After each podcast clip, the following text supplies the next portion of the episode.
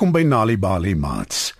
Die wêreld is vol dinge om te ontdek en die enigste manier waarop ons dit kan doen is wanneer ons verken en wanneer ons uitvra. En dis waaroor vanaand se storie Ek weet dit gaan. Die storie is geskryf deur Marian Bester. Skuif dit nader en spit julle oortjies. Niels, Niels, waarheen gaan jy? Vra die jong kuifryer. Hy is baie opgewonde. Hy klap en strek sy pragtige wit vere uit. Niels, die Nguni kalf, loop baie vinnig. Hy het sy gestreepte broek en sy blou hemp aan en onder sy arm dra hy 'n boek. "Nou gaan biblioteek toe," sê hy. "O, die biblioteek? En ek neem aan ek sal heerlike vet sappige insekte daar kry," sê die jong kuifryer. Hy is dol daaroor om insekte te verslind wat die Nguni kalf uit die grond krap wanneer hy gras eet. En hy dink dat as hy die kalf volg, hy sommer baie te eet sal kry. Ja, die biblioteek is waar boeke gehou word. Boeke om te lees, sê Niels, baie belangrik. Ek weet dit, sê die kuifryer. Niels sê liefs niks verder nie, want hy weet die kuifryer lees nie en hy wil nie sy vriend in die verleentheid stel nie. Hy begin aanstap met die kuifryer kort op sy hakke. Miskien, bespiegel die kuifryer.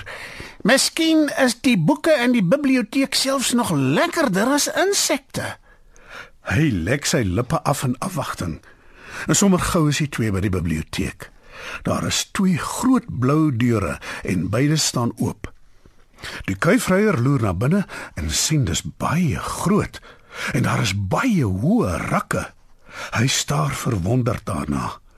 Niels kom dit agter en verduidelik weer eens baie belangrik.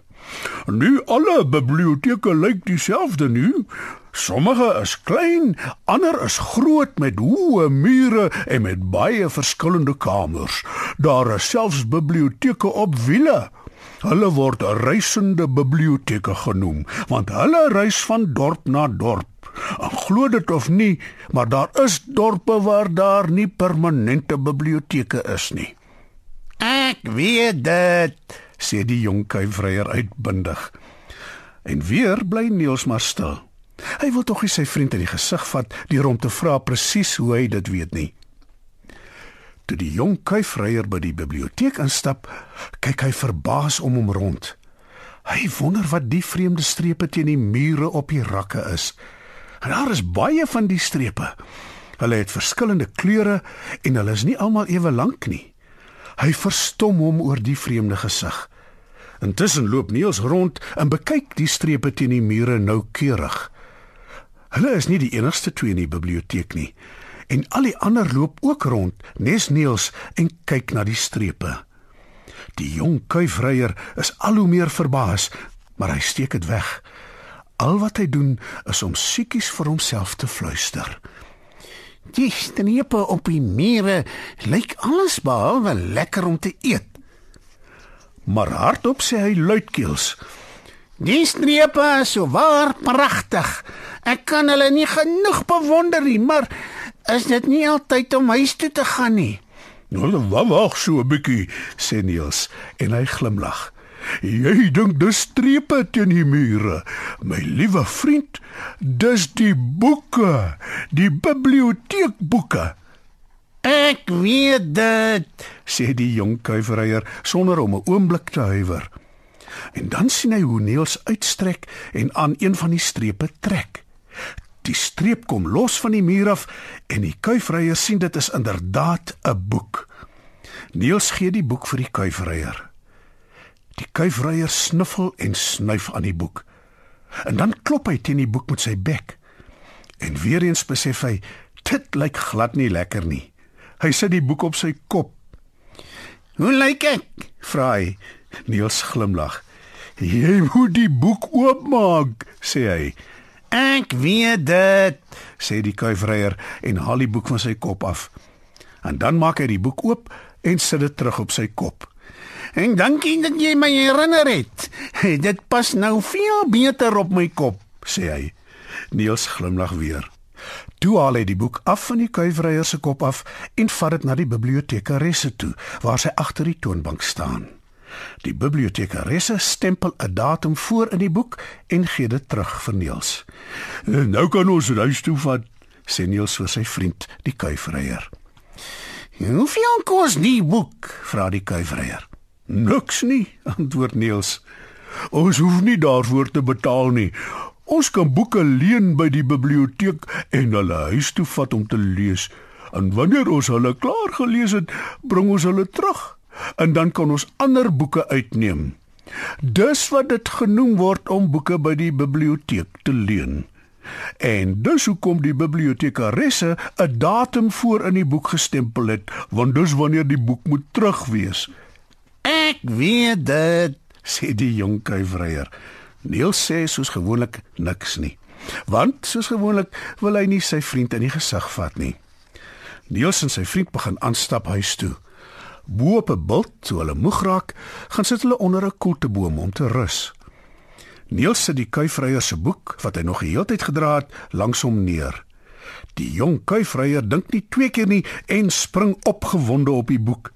En voordat Niels hom kan keer, seil hy af met die bult op die boek tot die heel onder. En daar land die arme kuifryer pensem potjies in 'n doringboom.